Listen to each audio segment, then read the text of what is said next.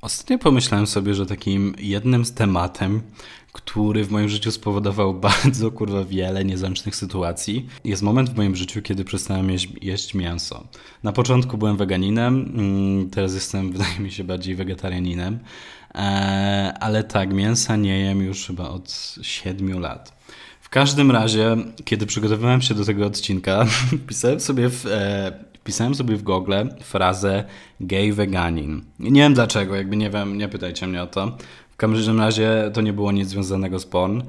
Ale oczywiście co mi wyskoczyło? Wyskoczył mi dziaderski Twitter, na którym był jakiś oczywiście kawał po prostu boomerów, e, który mówił o geju, ateiście i weganinie, którzy wchodzą do baru Czekajcie, to jest za dużo, więc jakby ja muszę ten straight język na spokojnie przemyśleć. Więc jakby gay, veganin i wchodzą do baru.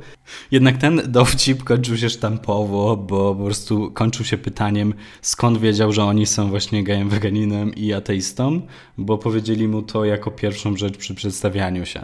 No jakby śmiech, śmiech, e, bardzo śmieszne. Oczywiście ci ludzie wszyscy mieli flagę, flagę Polski przy swoim niku, a kiedy wszedłem na ich profile, to byli największymi fanami Korwina Mikke. Dobra, nie powiedziałem tego właśnie, ale taka jest prawda, bądźmy real. Więc ja, ja ale nie, nie gniewałem się też na to, no jakby to jest podejście dosłownie moich wujków, moich kurwa dziadków mojej babci, wydaje mi się tak. Nie dobra, babcia może nie ma aż takiej beki, ale wujkowie to tak, to jest. Wujkowie po prostu by żyli dla tego kawału. W każdym razie ja zacząłem sobie tak myśleć wtedy, że przecież ja jestem przykładem idealnym tych wszystkich trzech rzeczy. Tych wszystkich trzech najgorszych rzeczy, które, którymi ktoś może być, to właśnie gej, weganin, anteista i jeszcze być do tego niezręcznym i jakby nie chcieć o tym jakby rozmawiać, bo mi się nie chce tego wszystkiego tłumaczyć, ja po prostu taki jestem, ja to akceptuję i ja nie jestem osobą, która jak wszyscy już wiemy, kocha konfrontację i kocha się o to wszystko wykłócać.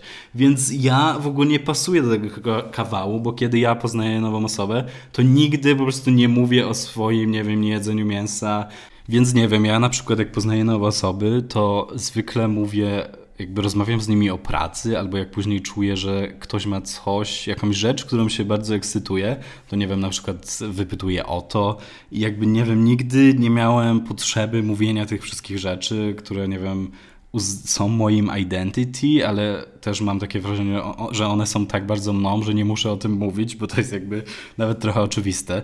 Ale dodatkowo jak o tym myślałem, też przypomniał mi się odcinek, oczywiście po raz milionowy, e, Awkward Black Girl.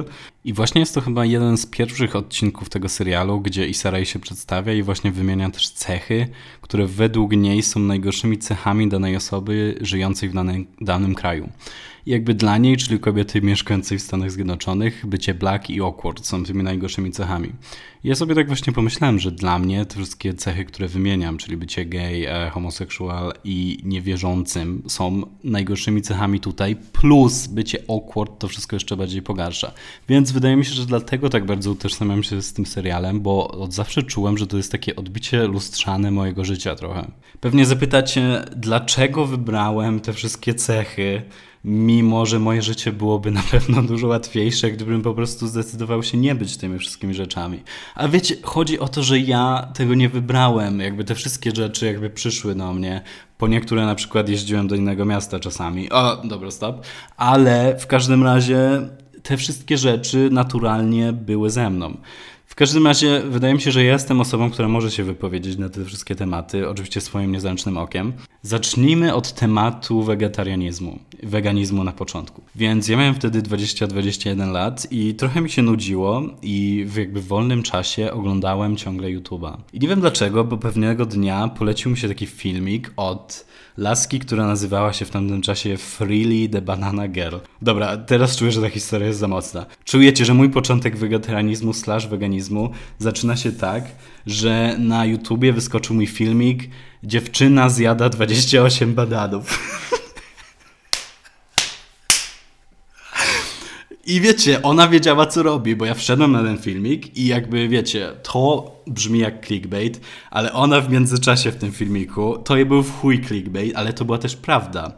I ona była weganką z takiego klubu. Nie, nie można to nazwać kultem, chociaż niektórzy tak mówili, dobra, może kultem. I oni wszyscy jakby mieszkali w Australii, e, jeździli tylko i wyłącznie na rowerach jedli te w ogóle kilogramy owoców i surowych warzyw i w każde wakacje jeździli sobie na trzy miesiące do Tajlandii, bo okazało się później, że w Tajlandii jest jedno miasto, które jest rajem weganów. Jakby czajcie to, ja o tym nie wiedziałem kurwa nigdy, a właśnie po tym, po tych 28 bananach, po tym clickbaitie ja zacząłem się wkręcać, oglądać te filmiki, więc odkryłem, że jest w Tajlandii kurwa wegańskie w pełni miasto, do którego jeżdżą ci wszyscy bogaci ludzie z Australii i żyją tam w wegańskim raju, bo po prostu przez to, że przyjeżdża tam tyle turystów z Australii z taką kasą, tam po prostu wszyscy ci ludzie na miejscu zaczęli otwierać wegańskie biznesy, więc tam nie ma prawie, nie można prawie znaleźć mięsa, wszystko jest wegańskie, żeby tylko spodobało się właśnie tym Australijczykom, którzy tam przyjeżdżają,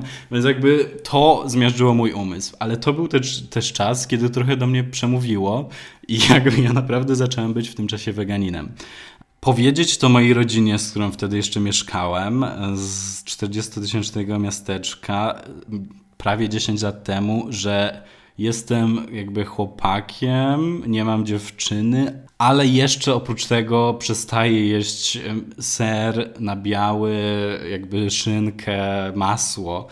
Moja babcia myślała, że wstąpił pewnie we mnie jakiś diabeł. W sensie moja babcia była przerażona.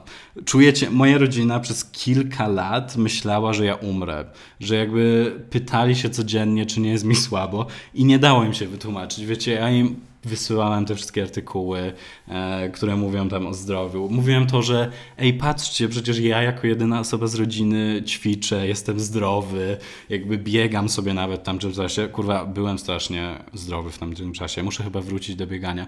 Ale w każdym razie byłem przykładem zdrowia. W międzyczasie moja rodzina, wszyscy, wszyscy mieli nadwagę, ale w, też w tym samym czasie ja musiałem przekonywać ich, że będę, że jestem zdrowy i to jest dobra decyzja. Więc jakby to też jest inny kosmos kosmos. I to jest prawda, to była trochę moja decyzja, żeby utrudnić sobie życie, wydaje mi się, ale po prostu oglądałem te filmiki, w międzyczasie też tam były filmiki o jakby e, industry mięsa i jakby industry nabiału, jak wtedy, jak te wszystkie zwierzęta się traktuje, jak się wykorzystuje i jakby jak to wszystko wygląda od drugiej strony, jak te zwierzęta się nawet czują przed tym, jak, wie, jak wiedzą, że będą zabite.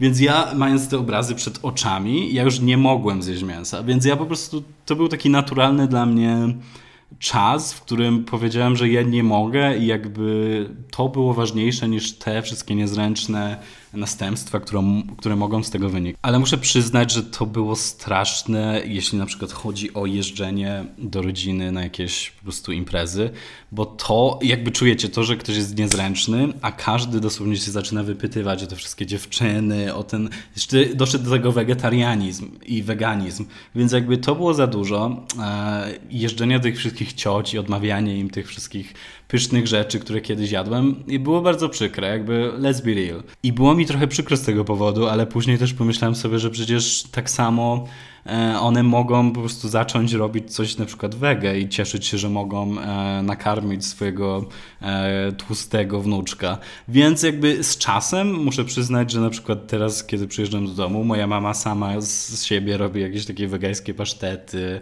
jakieś wegańskie chyba pieczenie, inne takie właśnie pojebane rzeczy, więc to z czasem się zmieniło i jakby bardzo szanuję moją rodzinę akurat za to. Dobra, teraz po wegetarianizmie na co jest czas? Bo były jedna na trzy trzy rzeczy, czyli było tak wegetarianizm, e, wiara i homoseksualizm. Dobra, kurwa, nie wiedziałem, że takie ciężkie tematy sobie wybrałem na ten odcinek. Ale dobra, teraz przejdźmy do wiary.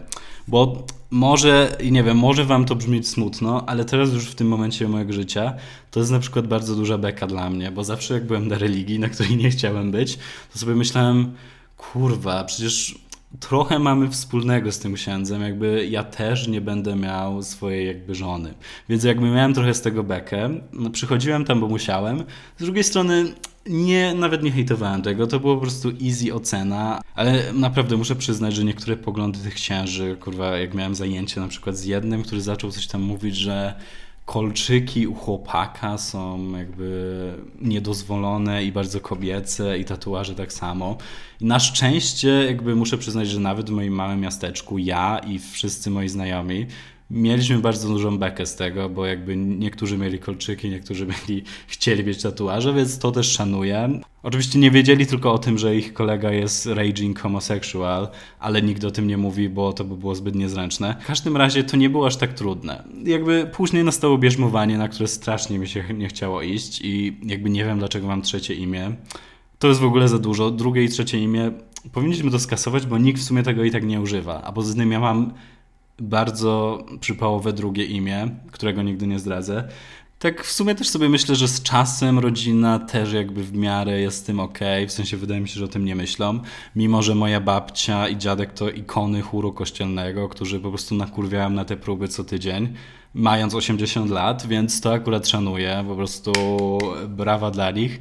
I jakby oni przestali już też to hejtować, że w sumie mm, nie pojawiam się nigdy w kościele ale też na przykład czasami jak gdzieś wychodzę, jak jestem w domu, to moja babcia mówi mi z Bogiem i ja tak trochę niezręcznie nie wiem co odpowiedzieć, ale mówię jej zawsze coś tam, cześć babciu. Ale tak, jak, jak mam być szczery, to wydaje mi się, że weganizm był większym problemem dla mojej rodziny niż to, że nie chodzę do kościoła, bo musiałem babci odmawiać tych wszystkich obiadków. Jakby to było trudne dla przeżycia, do kiedy się nauczyła, że może mi też wpychać po prostu rzeczy bez nabiału i bez mięsa, co też zmieniło później moją wagę. I teraz przyszedł czas na homoseksualizm, ale w sumie o tym już mówiliśmy. E, jak już mówiłem, moja mama i siostra nie mają z tym problemu, po też po latach.